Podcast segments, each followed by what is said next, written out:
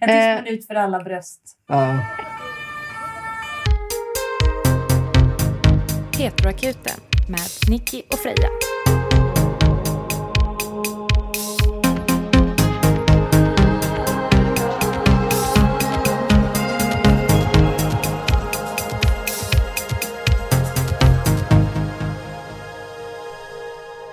Det här är den andra delen av avsnitt 57 med Fredrik den manliga dolan som gäst. Om du inte har lyssnat på del 1 så bör du göra det först. Här kommer en snabb tillbakablick av del 1 med citat helt tagna ur sitt sammanhang. Det började med att Fredrik berättade lite om sig själv och sitt liv. Då vill vi säga hej till Fredrik. Hej. Den manliga dolan. Jag är ingen slabba längre. Nej. Men jag är ju kroniskt snorig. Är det så? Jag är psykiskt stabil eller något. Och också jäkligt snygg person med fitta. Som tycker det är lite härligt att suga kuk ibland. 15 gånger liksom. Ja. Eller, eller mer. Är det skönt eller är det Det, svårt? det beror lite på. Det är lite jobbigt att behöva åka två timmar för kuk. Ja, men, så att vi hade ju råd att beställa hem kuk i en timme på på psyket. Liksom. Det är ju nice liksom. Det är fan smart. Därefter markerade Fredrik sin ståndpunkt gällande kön, identitet och födande.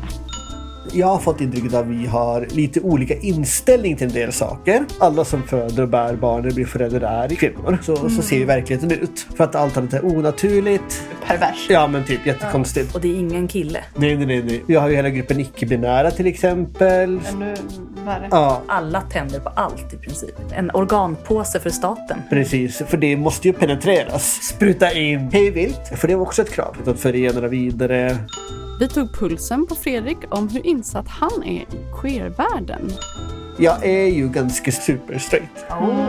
Jag, jag vet ju om det att vi fortfarande i Sverige har liksom så här lesbiska par som jag dock inte har legat med. va? Ehm, Tråkigt Nej. nog. Nej men det är sjukt förnedrande. Det är ju lite skämmigt för oss nästan. Och det är så jävla dåligt. Jag vet inte vad som är grejen. Kom och rid mig. Och sist men inte minst uttryckte heteroakuten en önskan om att Fredrik skulle böga till sig lite grann. Åh, du vill bara ha fitta, det är det enda du vill ha. Kolla här. Du behöver inte förstå. Du är rädd att inte få killar. Men jag kan inte. Okej, men du har aldrig haft sex med en man i rumpi. Det är fascinerande, det ordet faktiskt. Ja. Om du bestämmer dig för att du vill försöka med en man istället så är du jättevälkommen hit igen. Hur hetero du än är.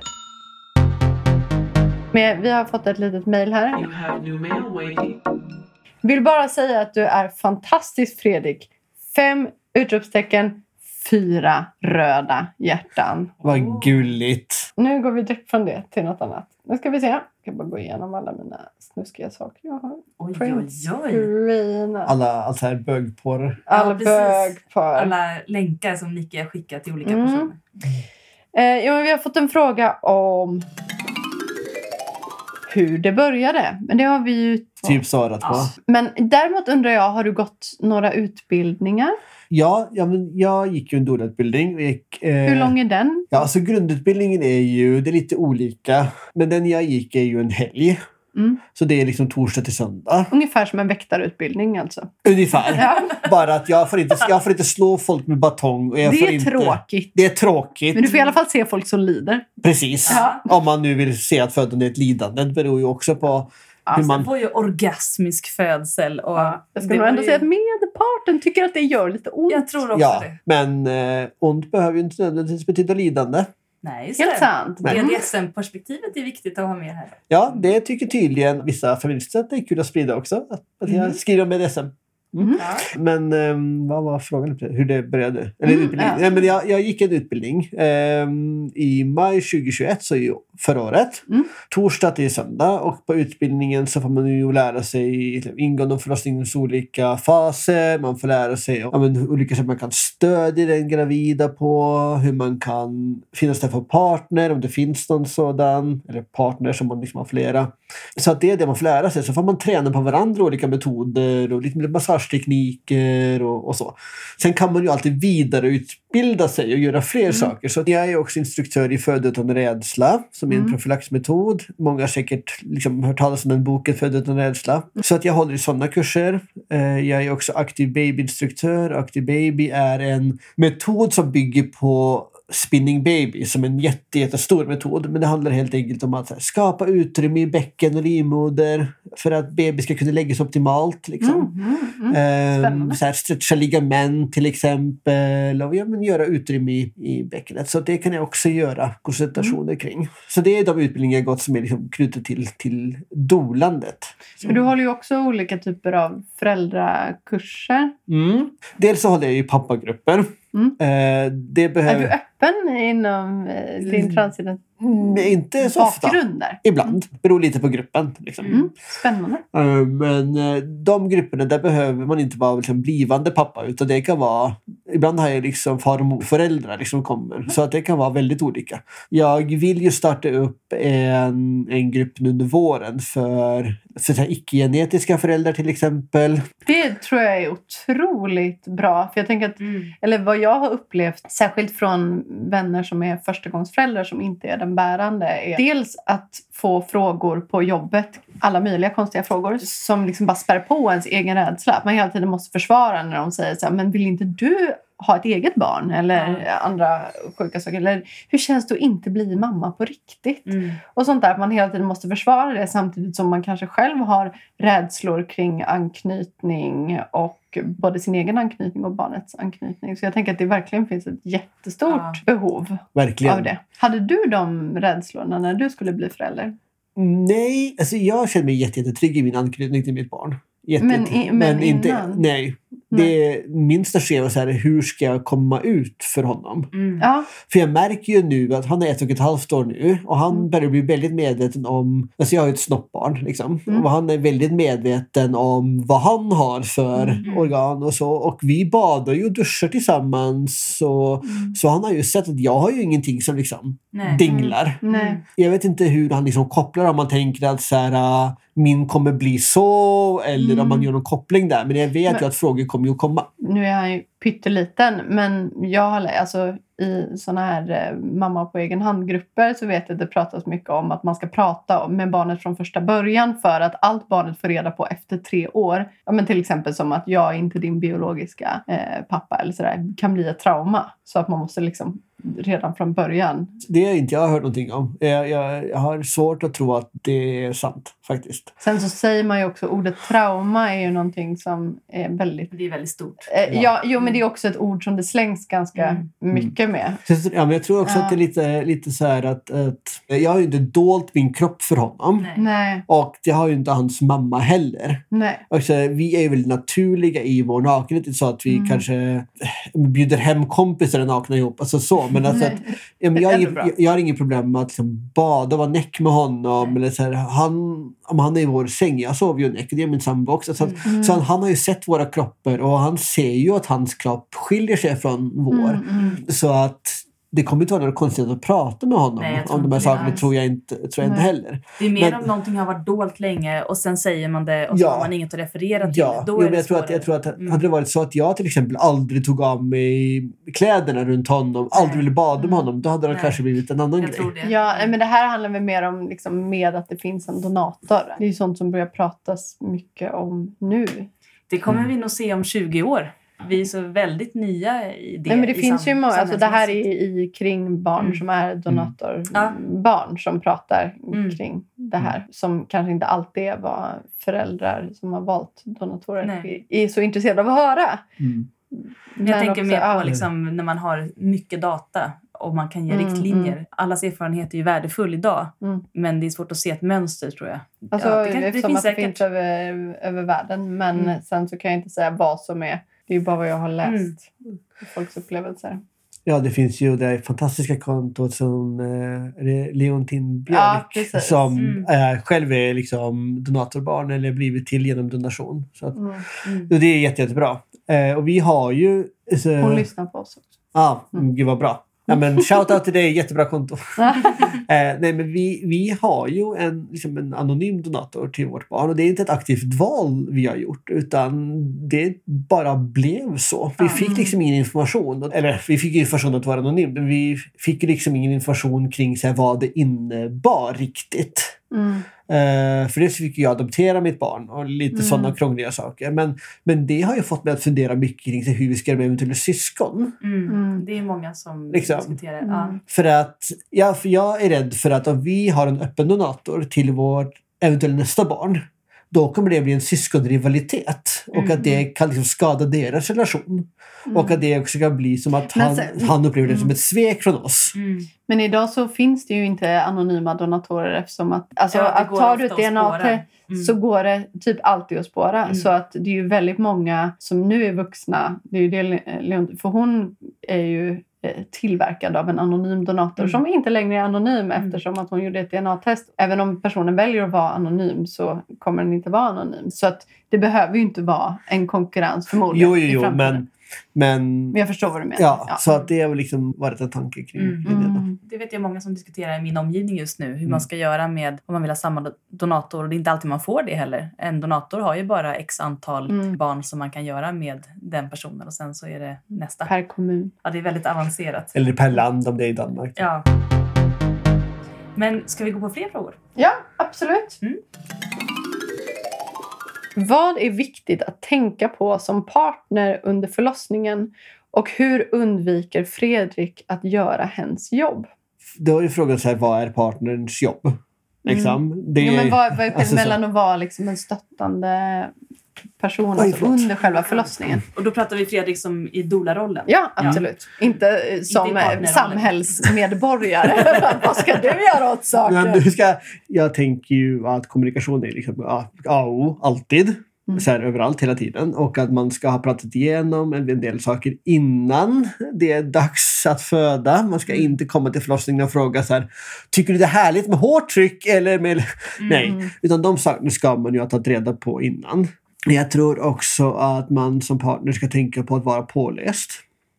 Eh, att man ska ha koll på hur förlossningsförloppet går till. Man ska inte lägga, det, lägga allt på den födande. För den födande kommer kanske inte vara kommunikativ Nej. under hela förlossningsprocessen. Så att du kan inte räkna med att du får svar om vad som händer. Och man kan heller inte räkna med att barnmorskor och undersköterskor har tid att sitta och svara på dina frågor när man är där inne. Nej. Alltså, och det är liksom krasst. Det är klart att vissa ställen, ja, men det är klart att man kan få barnmorskor och undersköterskor som har tid att sätta sig ner. Men man ska inte räkna med det, för det är en pressad situation. Mm. Mm. Gå en profylaxkurs. Oavsett om man går född utan rädsla, hypnobirthing, gravidyoga, vad som helst. Men gå en profylaxkurs. Öva tillsammans. Se inte graviditeten och förlossningen som någon som din partner ska göra och du liksom ska, ska stå bredvid. Utan det är någonting som ni gör tillsammans. Du kanske inte är den som trycker ut själva barnet. Men du är ju fortfarande den primära stödpersonen. Ja, men det är du som ska bli förälder, det är du som kanske med har varit med och skapat det här livet, det här barnet. Och det är du som vet vad den person du liksom älskar eller ska bli förälder tillsammans med tycker om. Mm. Det vet ju inte dolan oftast. I doula-rollen så man är ju inte där för att ta över partnerns roll. Det man däremot kan göra är ju att peppa partnern att göra det på ett visst sätt, komma med förslag på ändringar, kanske se till att stämningen i rummet blir lugn och mysig, ge de födande och partner möjlighet att så här, landa i liksom sin oxytocinbubbla, kanske se till att belysningen sänks eller dämpas, att man sätter på mysig musik. Så det är mer sådana saker man kan göra. Mm. Eh, partner behöver kanske gå iväg och äta någonting där man kan ta över kanske Mm. höfttryck eller andra saker. Mm. Det är kanske så att den födande och partnern inte vet om att man kan tacka nej till undersökningar. Mm. För det finns ju ingenting de gör på förlossningen om det inte akut, akut, akut som man måste göra. Man måste ju inte göra vaginala undersökningar. Man måste inte ha CTG på sig. Man måste inte få infart för dropp. Mm. Alltså, där är det ju många som känner att de inte kan liksom säga det och där kan Nej. ju en doula kanske vara behjälplig att här, diskutera med dem när man är ensam på rummet. Alltså, Mm. På många sätt är ju en doula där för partner. Liksom, Mm. För att kunna hj- hjälpa partner och trygga partner att vara ett bra Mm. stöd för en födande. Mm. Ja, och jag tänker att det är väl också att kunna göra det där lilla extra som, eller om det blir kritiskt läge. Mm. Att kunna liksom, tänka lite klart. Verkligen. Och det är, det är väldigt många som, som kanske har en plan idé om vad de vill göra. Mm. Ehm, som är så här superförberedd och säger ja, men jag ska inte ha någon lustgas, inte det här, inte det här, bara så. Mm. Så kommer de in och så blir det inte alls som de hade Nej. trott att det skulle bli och blir väldigt, väldigt besvikna. Trygga stödpersoner i det läget kan ju göra en utåt traumatisk förlossning till en trygg upplevelse ändå. Att Mm. det kan sluta med akut kejsarsnitt, det kan sluta med sugpropp, det kan sluta med en jätteblödning eller med bebis som måste till neonatal, neonatalen. Mm, alltså, Det mm. kan sluta på jobbiga sätt men upplevelsen i sig kan bli bra om personer runt omkring liksom är trygga, ger ett bra stöd och sådär. Och det är väldigt tufft att vara ensam som enda partner på ett förlossningsrum för det är kanske första gången man får se någon man kanske älskar har ont, någon man Mm. älskar kanske inte är kontaktbar överhuvudtaget. Man kanske har en komplicerad relation till sjukhus. Och sen så är det ju också svårt med alla blippande maskiner och hålla på och så släppa taget. Mm. Och födande är ju en sån spännande process i och med att det är en smärta som är, den är inte skadlig på något sätt utan det är en smärta som är naturlig i kroppen, det är en process som kroppen kan, som kroppen är skapad för att klara av. Men den bromsas ju av att vi stressas, av att vi, vi, vi blir rädda, av att vi hetsar upp oss, av att det blinkar och så. Mm, gud ja. Och att det är massa människor i Massa som går in och ut och liksom fingrar, fingrar upp i fitti Ja, och fan, en finger i röven för att kolla. Och Liksom, alltså, Fingrar överallt. det är ju inte optimala miljö att fö- Nej, det är inte en optimal miljö att ha främmande människor fingrar överallt. Nej. Om man tittar på, på djur till exempel. Eh, dräktiga kvigor får ju inte fraktas över två veckor eller månader, jättelång tid innan de ska kalva. Så får de, Mm. inte, får de inte transporteras någonstans.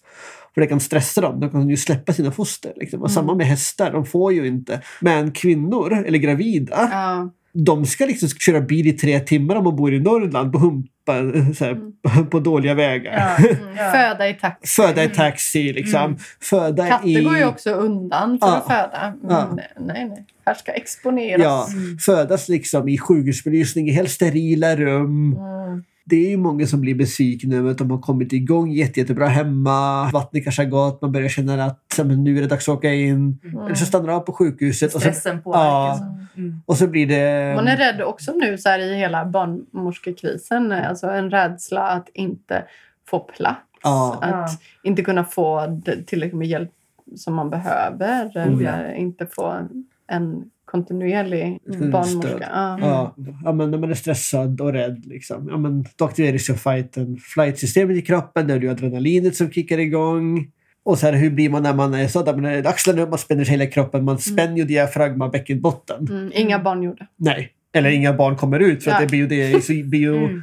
det blir ju jättetajt. Ja. Det går, ju, det går ju liksom inte. Det är ju ett sätt som dolan kan hjälpa till. Liksom. Till exempel att låt dolan så här, möt upp hemma. Mm. Kör er till förlossning så att ni kan sitta i baksätet och mysa och hångla. Liksom, Om Mm. ni så här, kan det.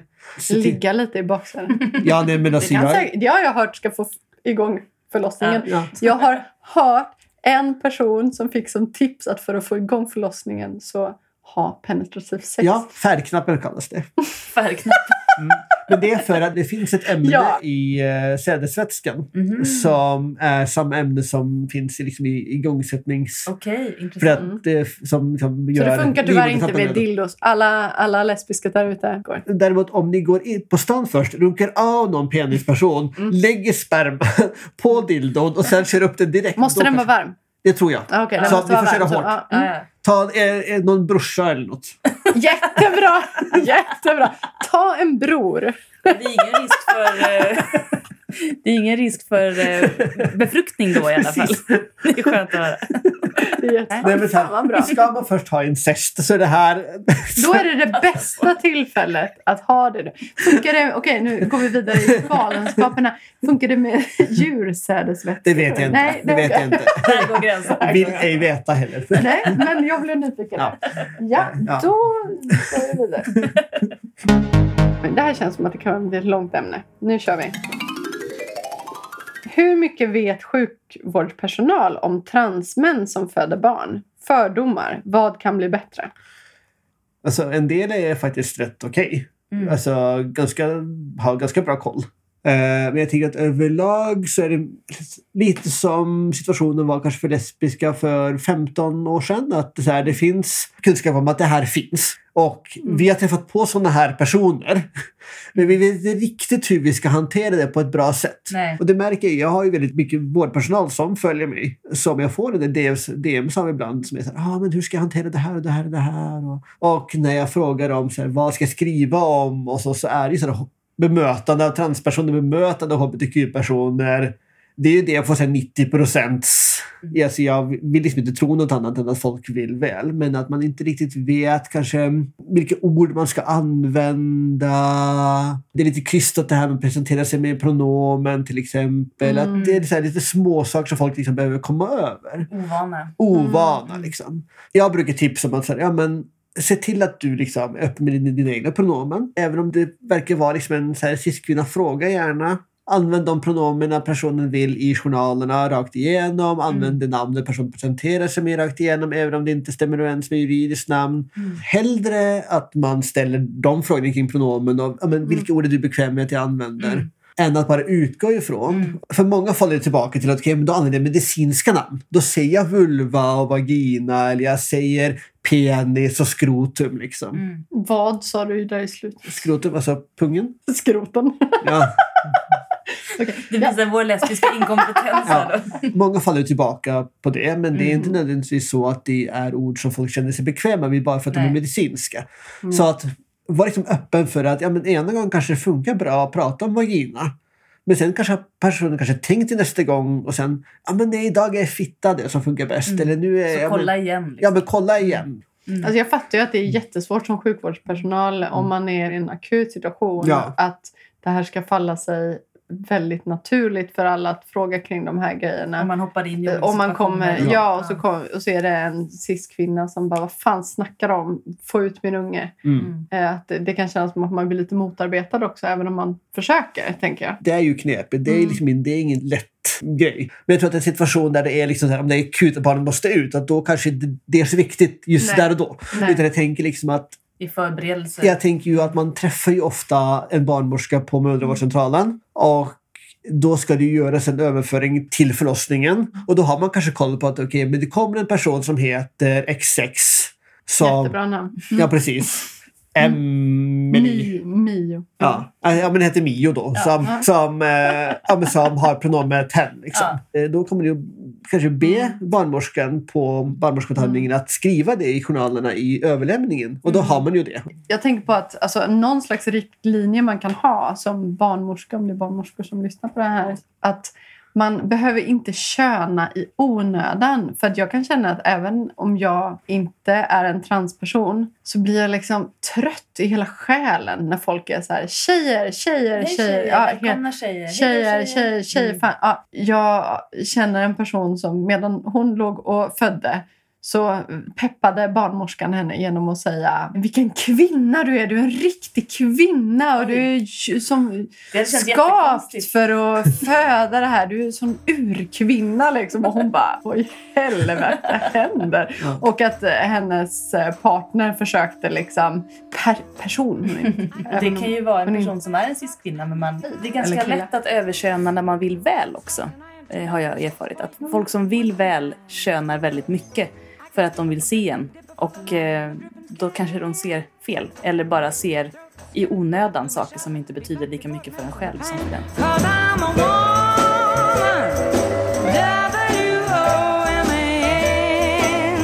I'll say it again. I can rub and scrub till this old house is shining like a dime. Feed the baby, grease the car, and powder my face at the same time. Jo, men jag tror att det var en poäng där. Att säga, men, köna inte onödan om det inte är nödvändigt. Och ja, men, utgå inte ifrån att du vet.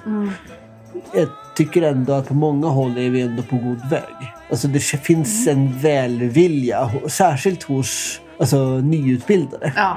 Mm. Alltså icke-binära som du säger, det har ju alltid funnits och det har alltid funnits transpersoner också. Men just det här med att transmän som passerar som man på stan, att du skulle kunna vara gravid och föda barn. Jag tänker att det ändå, just på grund av de här steriliseringarna, är ju det ett förhållandevis nytt fenomen i Sverige. Och jag tänker att jag vet barnmorskor som under sin utbildning, alltså under utbildningen så ska man ju förlösa 50 personer och att de aldrig har förlöst en person som varit i en samkönad relation och att även under yrkeskarriären. Så att jag tänker bara den grejen är ganska ovanligt. Så att, att stöta på en transman som ska föda barn, det är ju många som går igenom ett yrkesliv utan att det händer än. Liksom. Ja, men verkligen. Och det finns ju hos en del barnmorskor och andra som jobbar med födande så finns det väldigt, väldigt stark så här, kvinnokraften. Det finns en sån typ av Vilken rörelse. kvinna!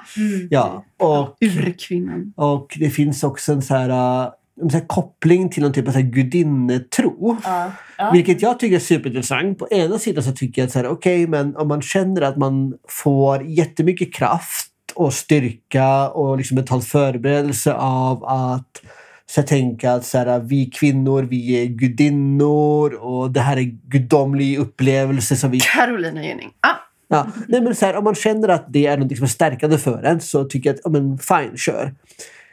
Samtidigt så kan jag som religionsvetare och det här, den här diskussionen har jag haft med jättemånga så yogis som jag känner. För för mig så är yoga en religiös praktik. Och att så här, hålla på med chakran, till exempel, det är en religion. Chuck trodde du du skulle säga. Ja, med chak precis. Det kan vara religiöst. Ja. Nej, men så här, att öppna och stänga chakran och hålla på med sånt. Det är ju en exklusiv religiös praktik som tillhör hinduismen och de dharmiska religionerna. Men dharmiska religioner är ju samlingsnamnet på buddhism, sikhism och hinduism. Och det är ju religioner som är kända för att antingen inte ha ett koncept av Gud som vi känner igen, alltså med liksom en gud där uppe i himlen som styr allt och allvetande. Eh, som har politism, att man har flera gudar till exempel, eller att man har andra levnadsregler än vad vi är vana vid. Alltså, nu, jag blir inte lika provocerad av det nu som jag blev i början. Eh, för jag har ju förstått liksom att många använder yogan som träningsform, och fine. Men jag har svårt att se hur folk tar ritualer från andra religioner och gör det till en träningsform. Till exempel som Sverige som är ett av de Lite kulturell appropriering. ja, mest sekulariserade länderna i världen. Man tror inte på någonting. Alla som är religiösa är dum i huvudet. Man pratar om muslimska kvinnor som har slöja som förtryckta. Man pratar om personer som frivilligt går i kyrkan som dumma i huvudet. Det är en jätteutbredd antisemitism. Liksom. Alltså, Det finns ett stort religionshat i Sverige. Och när då ofta så här, vita medelklass cis-kvinnor går på yoga, öppnar sina chakran och leker med sina yoni-ägg. och jag vet att det kommer att se jäk- Yoni-massage. det är faktiskt jäkligt nice, ska jag säga dig. Men alltså, leker med sina yoni-ägg och håller på och så här är gudinnor och håller på. Då blir religionsvetaren i mig lite provocerad. Och man får hata på mig för det här det är ju okej. Men folk kopplar liksom inte vad det är man håller på med och vad, var de här praktikerna kommer ifrån. Jag tror inte att de som ser sig som gudinnor när de är gravida eh, går på så här gudinnecirklar. Jag tror inte nödvändigtvis att de fortsätter ha sin gudinnetro efter sin födsel. Nej. Är det de som äter sina... Moderkakor? Ja. Eller så här, li- ja. Jag ville säga mödoms... Men- Okej, jag behöver gå en kurs. Placenta. placenta. Placenta. Nej, alltså, ja, det, det är väl en del sådana, men det är ju inte alltid så. Nej. Liksom. Ja, nej, men så jag tycker att det, det där är svårt att prata om också, för jag vet ju att genom att prata om de här sakerna så, så stöter jag liksom ifrån mig halva Dola-Sverige. Det kan jag tänka mig. Men samtidigt så måste ju du nischa dig på något jävla Nej, sätt. Man kan inte passa alla. Nej. Nej. Nej. Praktikerna i sig provocerar mig ur ett religionsvetenskapligt perspektiv för att jag har ju den religionsvetenskapliga bakgrunden. Det är där jag kommer ifrån. Jag lärde mig ju om kulturell appropriering, att man tar saker från kulturer, ja, men gör om det till sitt eget utan att på något sätt credda ursprunget. Mm. Jag lärde mig om det först innan jag lärde mig om hur till exempel så här, gravidyoga kan vara bra för en gravid kropp.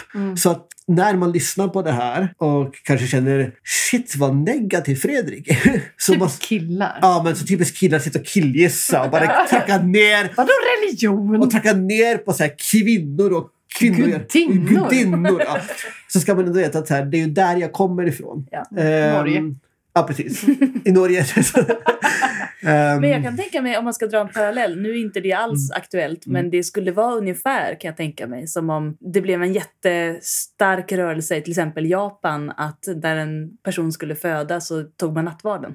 Mm. Alltså, nu påverkar det kanske inte nödvändigtvis den gravida kroppen, men de kanske har en idé om det. Och då kanske vi reagerar som är vana vid, även om vi kanske inte uttalar kristna, så vi är vana vid en kristen kontext och vi vet vad det innebär kulturellt. Och det finns ju också den här idén, om man nu ska liksom fortsätter på religionsvetenskapsspåret, så finns det ju en väldigt så här, äh, snuttig glorifiering av dharmiska religioner i Sverige. För att de kom ju hit liksom som Hare Krishna och de kom ju hit också som att så här, äh, men med meditation och mindfulness och sådana saker. Och det finns väldigt få personer i Sverige, skulle jag säga, som tar dharmiska religioner seriöst. Alltså många tror ju fortfarande att buddhism är en levnadsstil, men det är en religion som förtrycker och har blivit liksom förtryckta. Man skulle ju aldrig till exempel ta en judisk tradition och bara säga nu ska jag ta det här. Jag, här nu ska jag plocka ut denna hanukka-staken liksom, och göra ett ritual kring det. För att det får mig att känna mig så i kontakt med mig själv. Mm. Som en gudinna. Som en gudinna. Ja, men till exempel. Det ska man ju inte göra. Om jag tar liksom djävulens advokatperspektiv här då och tänker att många personer känner sig hjälpta av såna här praktiker just för att de är väldigt fysiska. Och för att vi i västvärlden har väldigt få fysiska övningar som hjälper kroppen. Vi är Eh. liksom fattiga på det sättet och då tar vi någonting som vi saknar någon annanstans ifrån. Mm. Alltså om det kan hjälpa en personligen, även om man inte förstår hela konceptet, så kanske det är väldigt gynnsamt. Och kanske Men- särskilt om det har varit en svår process att bli gravid eller liknande. På något sätt så kan ju också någon typ av ritual hjälpa en att balansera sinnet. Sen så på vems bekostnad? Mm. väl, men, Ja. Ja, nej, men det är det som är så spännande. För att ur ett doula-perspektiv så förstår jag ju varför folk gör de här sakerna. Ja. Ur ett medmänsklighetsperspektiv eller ur ett feministiskt perspektiv så förstår jag styrkan i att vara ett gäng cis-kvinnor som samlas, man gör kanske så här mother blessing, man välsignar den blivande mamman, man ger henne gåvor, man pratar om förlossningar, egna erfarenheter, man knyter ihop. Liksom, det är en systerskapsgrej och den förstår jag. Den idén har jag jättemycket respekt för. Mm. Och jag, jag förstår ju verkligen var det kommer ifrån. Och jag är helt med på det här med ritualer och att vi behöver det, att vi är väldigt rituallösa i vårt samhälle, att det finns ett behov av att kunna liksom connecta. Så att det är verkligen två perspektiv Ja. av det här. Jag är lika delad vad gäller till exempel separatism. Liksom.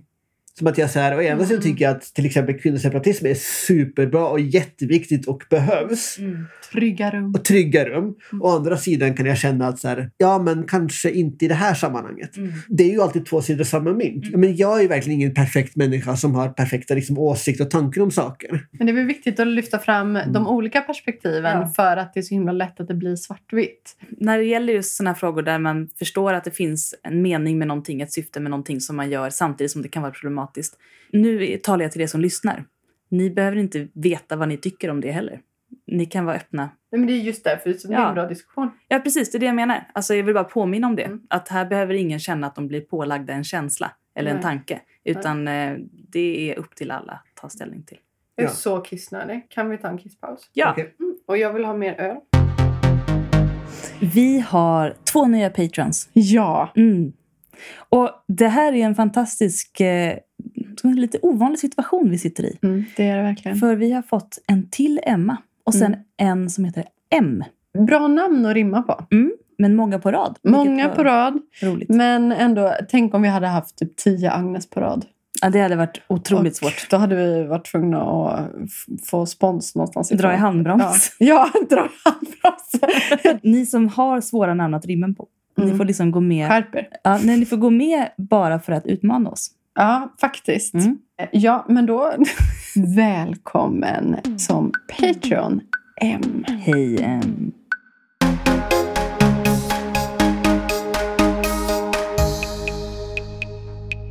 Och M, vi känner inte till ditt pronomen, men jag utgår från en könsneutral tolkning och säger hen i och med att jag inte vet. Då gör jag också det.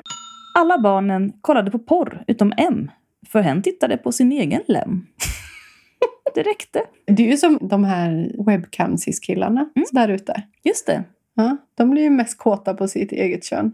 Alla barnen gjorde köttfärs, utom en. Hen kom i kläm. Nej, så hem blev köttfärs. Ja, Hoppas lämmen överlevde. ja bara lämmen.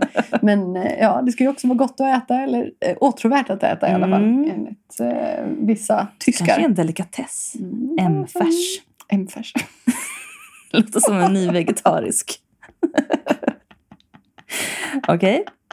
Alla barnen tittade på huset som brann utom M, för det var hens hem.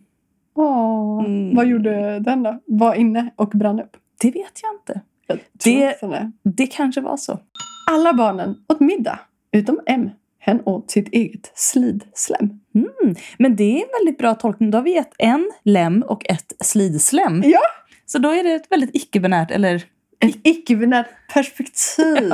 eller ett dubbelt perspektiv. Dubbelkönad. Det är ju ändå härligt. Tänk vad spännande det kan bli. Befrukta sig själv. Ja, och då vill vi välkomna Emma!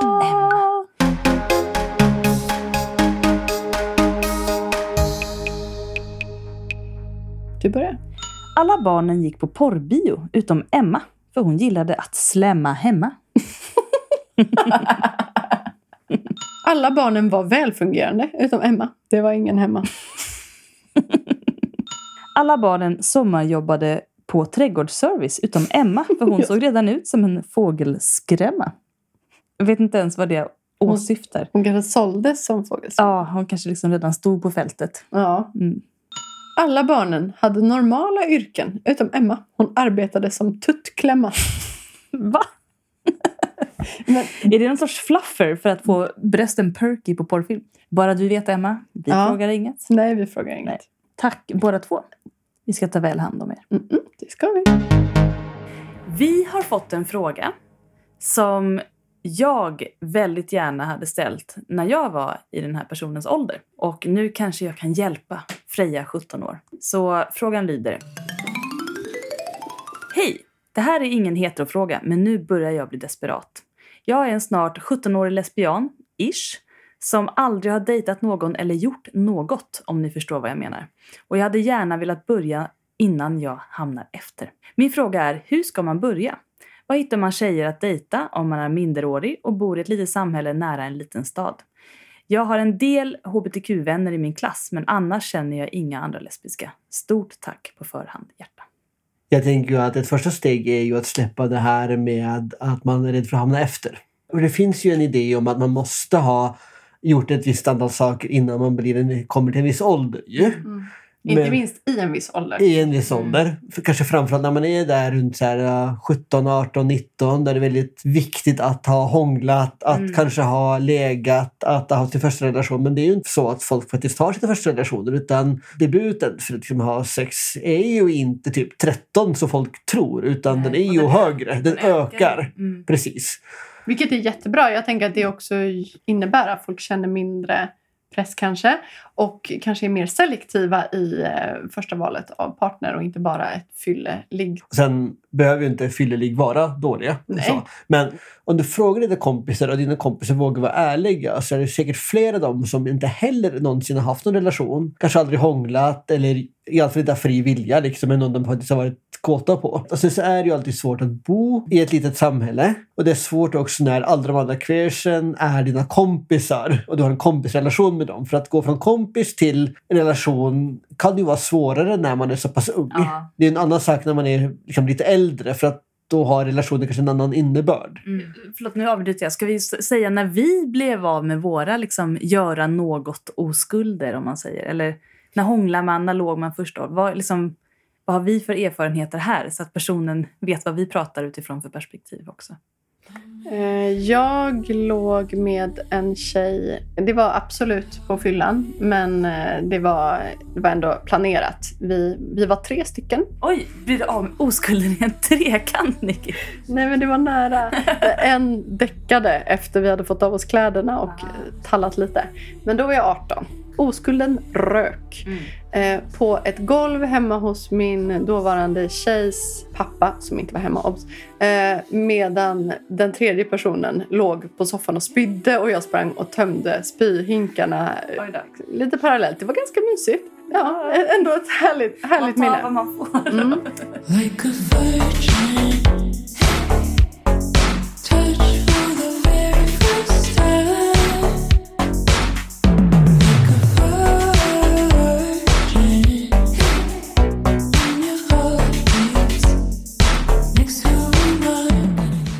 Du då? Ja, alltså...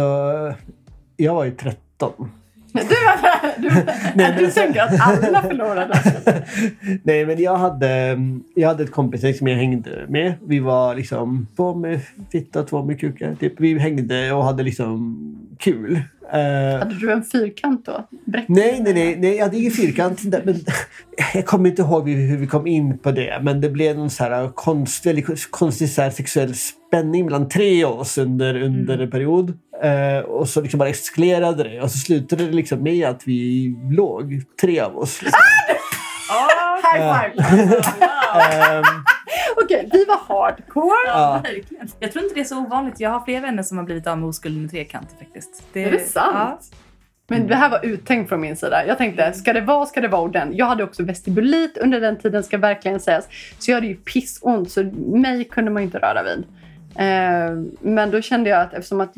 Men du hade ändå sexuell erfarenhet. Mm, ja, men jag kände liksom att antingen så vill jag ha sex med någon som är extremt mycket äldre än vad jag är, tänkte jag. Eller extremt, men extremt som när man är... Ja, eller i en trekant. Så jag försökte i alla fall, men det blev ju inte riktigt tre. Men det, tanken var god.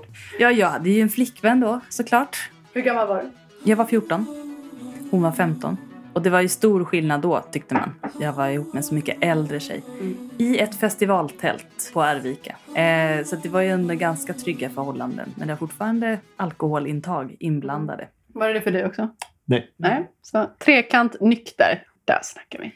Men, men jag vill också säga, det här, det, jag läser in i den här frågan att det är en person som inte bara är orolig för oj, jag vill inte hamna efter, utan kanske också faktiskt verkligen vill. Alltså att man, man är ju väldigt kåt ofta när man är tonåring. Jag var väldigt kåt när jag var tonåring. Och man, det, man tänker väldigt mycket på, liksom, man vill bara ha det överstökat också för att man vill känna att man men, tar nästa steg på något sätt. Vet, det är väldigt svårt. Man kan vara väldigt sugen men också väldigt nyfiken och det är svårt att skilja på det. Man vet inte om den här sexuella erfarenheten kommer leva upp till ens lusta. Nej men, Men- så var det ju för mig. Eftersom jag hade vestibulit så Mm. var det som att jag var ju jättekåt men sen gjorde det svinont så fort Mm. någon petade på mig. Men det var roligt att göra något på någon annan. Jag funderar också lite på så här, hur relationen, vad för relation den här personen har till sin egen kropp. Liksom. Men så onanerar hon? Hur är hennes relation till sin egen fitta? Liksom? Alltså, för jag tänker att det, är- det är ju ett bra sätt att starta på om man känner sig nyfiken på det här med kropp. Ehm, Fantisera. fantisera. Ja, men, så här, äh, det finns jättemycket bra liksom, eh, lesbiska erotiska noveller till exempel. Alltså, skrivna av lesbiska för lesbiska. Kan det vara liksom sätt att starta? 17 var så Tinder är Mm. inte aktuellt riktigt. Nej, Nej, men det, men, ja, Mm. eh, jag vill ju ändå tipsa om att eh, ljug om din ålder. För att förut så var man tvungen att koppla det till sin Facebook. Så eh, skaffa Tinder ändå. Ja. Och Ja, men- kolla runt, se utbudet, se vad som kan finnas. Skaffa Tinder plus, sök i hela världen, spana på tjejer, flörta med tjejer som du ändå inte kommer träffa. Se vad som Öva på att händer. Flirta, för det är inte alltid lätt att veta hur man ska flirta, men tänk ut. Så här ska jag göra, så här känner jag mig trygg med att flirta. Och när du väl får chansen, bara gör det fast det är skitläskigt och se vad som händer. Eh, caféer, om man bor på en liten ort så brukar det vara svårt att ha liksom det är inte alltid det finns träffpunkter. Det kanske finns det, det vet man inte. Det kanske finns RFSL, RFSU. Men det kan också vara så att det finns ett café som du tycker om att hänga på eller som du skulle vilja prova att hänga på. Ja, alltså jag tänker, för du har ju ändå kompisar som är queer. Ja, men, prata med något café som verkar ändå lite hbtq-vänligt. Eh, arrangera ja, men en dag eller en kväll under en helg och välj musiken. Du kan ta en Spotify-lista eller någonting och bara arra någonting. Ha ett quiz. Ett queer-quiz. Det behöver inte vara Eller... något uppträdande eller liksom stora grejer som händer. Det kan bara vara nu är det queerkväll på det här kaféet. Mm. Eh, kom och häng. Man kan ha teman på varje bord. Man kan sätta ut lappar på det här. Här är konversationsfrågor. Dra en lapp och prata om den i gruppen. Eller olika teman som sagt. Varje bord skulle kunna vara till exempel Här är ja, vad som helst, havstema.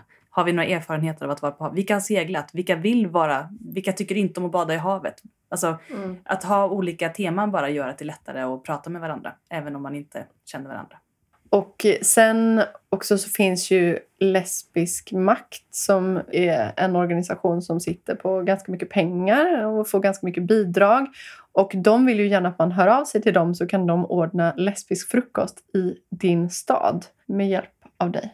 Och de har ju också nu ett projekt som handlar om att vara queer på landsbygden. Ja, så det är perfekt. Nu sa du ju bara att du bor i en liten håla, liksom, men, Mm. men en liten håla brukar betyda landsbygd. Så lesbisk makt är ju verkligen... De är ute efter dig. Det är dig de vill ha! Ja. Eh, men varför jag kommer tillbaka till det med Tinder. Alltså, olika appar och hemsidor och chattforum är ju en jättebra start. Mm. Verkligen. Vet du inte hur du ska flörta, är du nyfiken på att närma andra, andra tjejer eller kvinnor, Mm. kör hårt. Mm. Ja, och känns, blir det plötsligt konstig stämning, ja men då är det bara att ta bort personen som du har matchat faktiskt. med. Du har inga skyldigheter. Du Nej. är ung och världen är ditt ostron. Ja, och, och sen, alltså vi tre som sitter här är ändå en minoritet kring när personer kommer ut och när man upptäcker sin sexualitet. Mm. Precis som vi också pratade om här tidigare, att sexualiteten är flytande. Eh, ofta, för många. Jag har vänner som har kommit ut när de är över 30.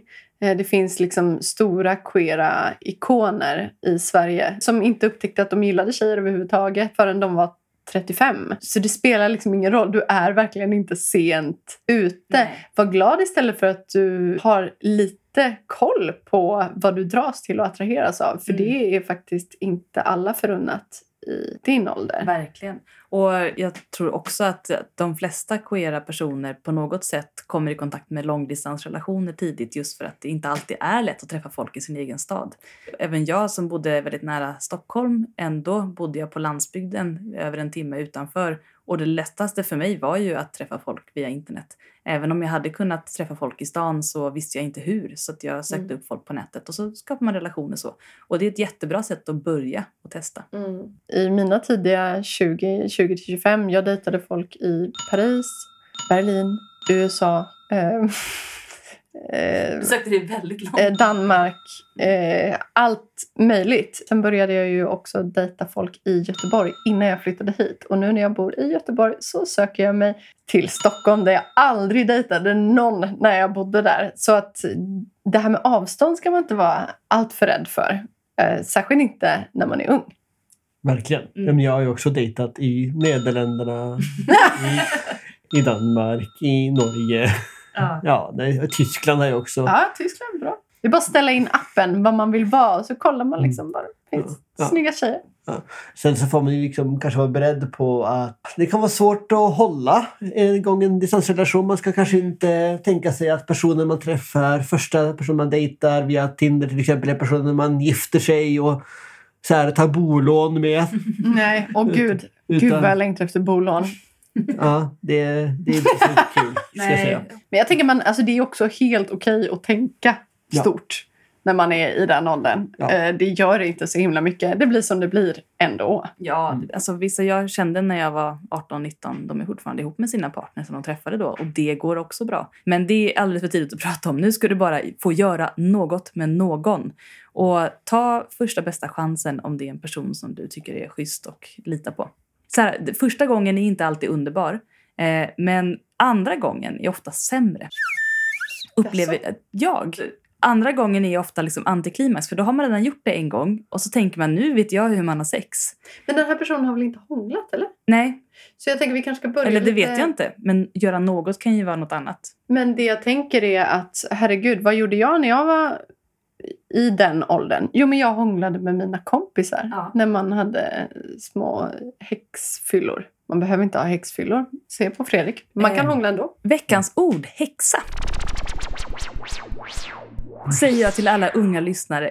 En häxa är när man blandar olika drycker i ett och samma kärl. Och Från föräldrarnas barskåp. Från föräldrarnas barskåp. Och obs, Konjak, fyll, whisky, fyll, inte upp, fyll inte upp med vatten när ni har tagit. Låt det, för det smakar skit. Och de kommer avslöja.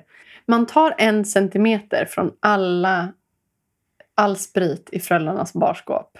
Vad det än är. Och blanda ut med lite saft och vatten i slutet. Alltså i, då blir det lättare att dricka. Nu ska inte jag ge så här bra, så himla omoralisk podd där. Var den där galna personen som gör en häxa och hånglar med dina kompisar. Har Ja. du någon kommentar? Nej, jag tänker bara att så här, vi vet ju inte könet på Nej. kompisarna. Det kan ju vara att alla kompisar är bög, Bögar. bögar. Och det är ju jättehärligt, men om man är lesbisk... Man kan hångla med bögar Man också. kan Det gjorde jag också. Man kan absolut med hångla bögar. med bögar. Men jag tänker ju att vill man ha det här pirret och känna att Ja. jag blir kåt på Mm. personer. Men man kan öva på att hångla. Man kan öva hångla, men man kanske inte, så här, det kanske inte blir så bra hångel då. Nej. Och då kanske man förlorar syftet lite. Mm. Jag kommer att tänka på, jag har hånglat med sex killar i hela mitt liv. Eh, Det är så otroligt få. Fyra av dem var bögar. Men ändå bra. Ja, hur många tjejer har jag hånglat med? Fler än sex. Flera hundra eventuellt. Jag tror jag har sett dig hångla med fler än sex personer. Det har du väl absolut gjort? Jag Jag har inte hånglat med någon kille sedan jag var 16. Nej. Hände det här, det där de här sex tjejerna, var det samtidigt? Ja, nej, det var det tyvärr Det var inte. olika tillfällen. Ja, jag önskar för Nikes skull att det var sex tjejer som stod på rad. Mm. En i taget. Det Ja, är man kan ju hångla typ så att fyra personer samtidigt kan man ju. Det, Nej, det, nej, nej, nej. Det går, gud, det men har det, det är inte så bra hångel. Nej, det är inte så bra, men det är kul.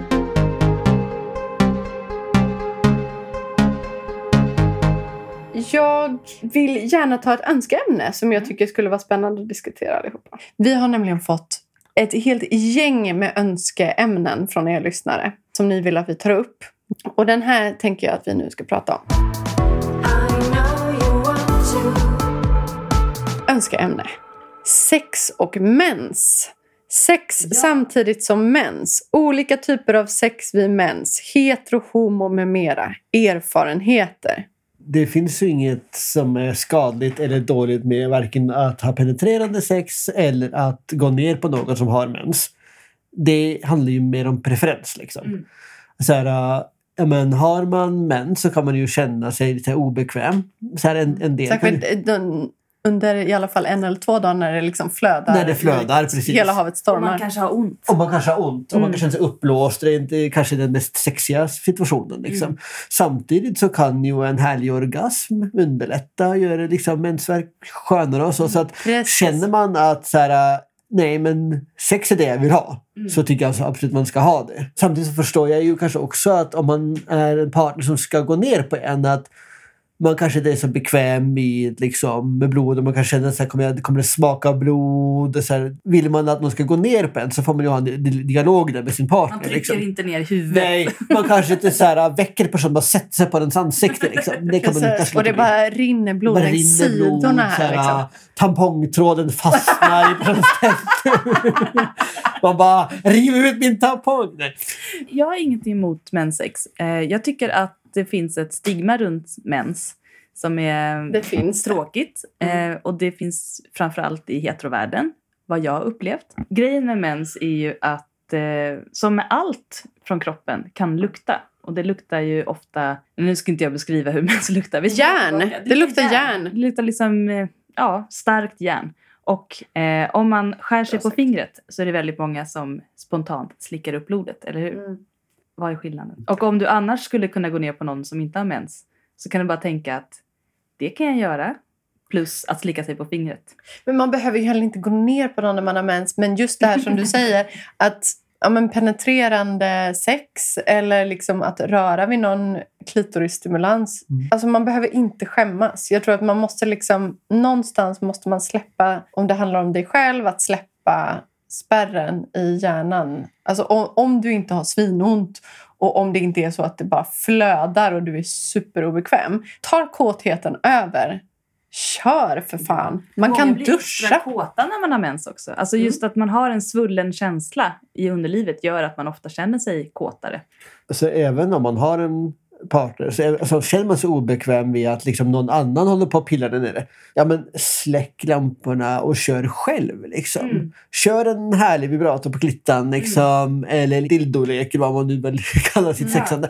Ja, men så här, för att orgasmen är kanske värt det ändå. För det kanske gör att du, så här, du inte spänner dig mer, du kanske slappnar av ordentligt i kroppen, spänningen i mage och Mm. liksom så Men andra kan ju släpper. vara med på ett annat sätt. Ja. Alltså, den kan ju hångla, den kan kyssa dig i nacken eller bita dig i örat eller vad som helst. Se heta saker i ditt öra, Mm. alltså vad som helst. Mm. Du, kan, du som har mens kan ha strap-on på dig och Mm. hålla på på din partner. Hålla Oavsett Mm. könstillhörighet. Ja. Verkligen. Men det är intressant att det är ett sånt stigma runt menssex. Den har vi inte kollat på. Jag har en samling med ottar-tidningar från 70-talet.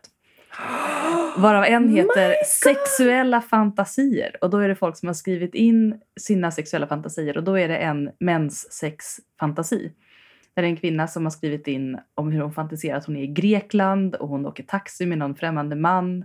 Och hon blir jättekåt och hon förför honom. Och hon har mens och hon säger inte det och han vet inte om det och hon tycker det är så hett att han inte vet om det för om han hade vetat om det hade han inte velat. Det finns ju verkligen en sån allmän idé om att män inte vill ha sex under mens. Mm. Och jag tror att det är väldigt många män som tycker att det till och med är hett. Men man borde kanske prata lite mer om det.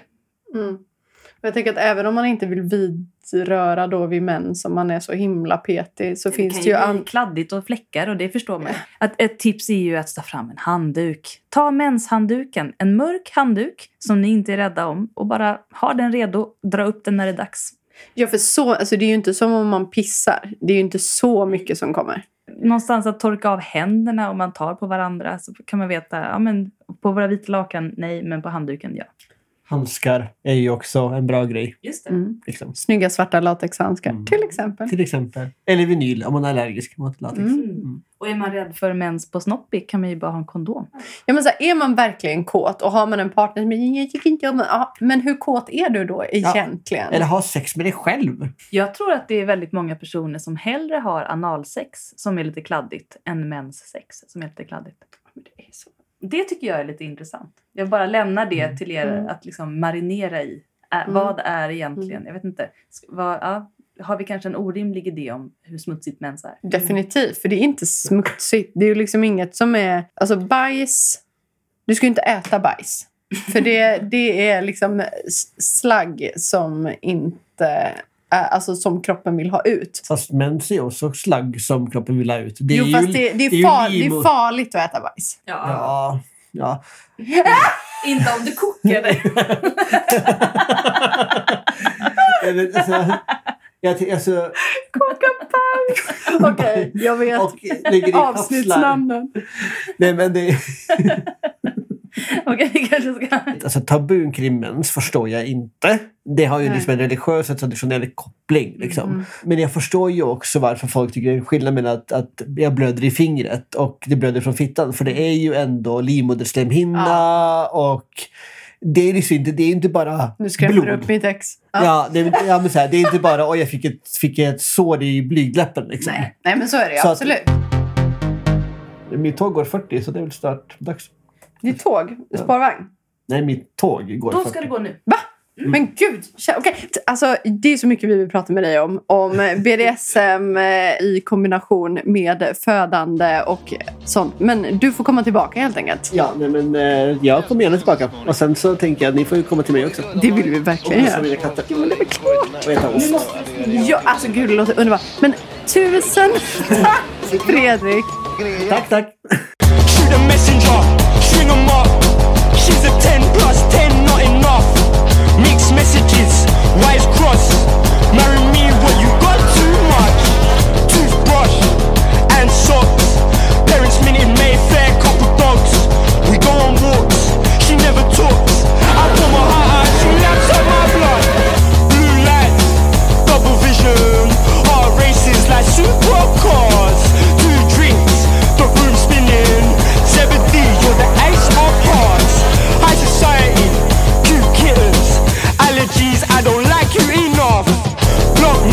Me on your private vista.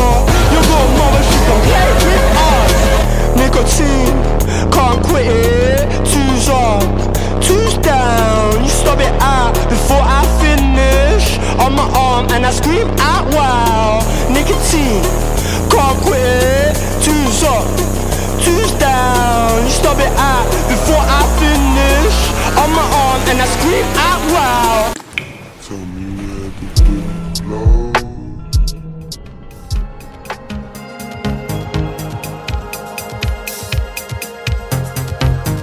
Heteroakuten är Nicky Yrla och Freja Holmberg. Maila dina relationsfrågor till heteroakuten Musik och ljudmix av Nicky Yrla.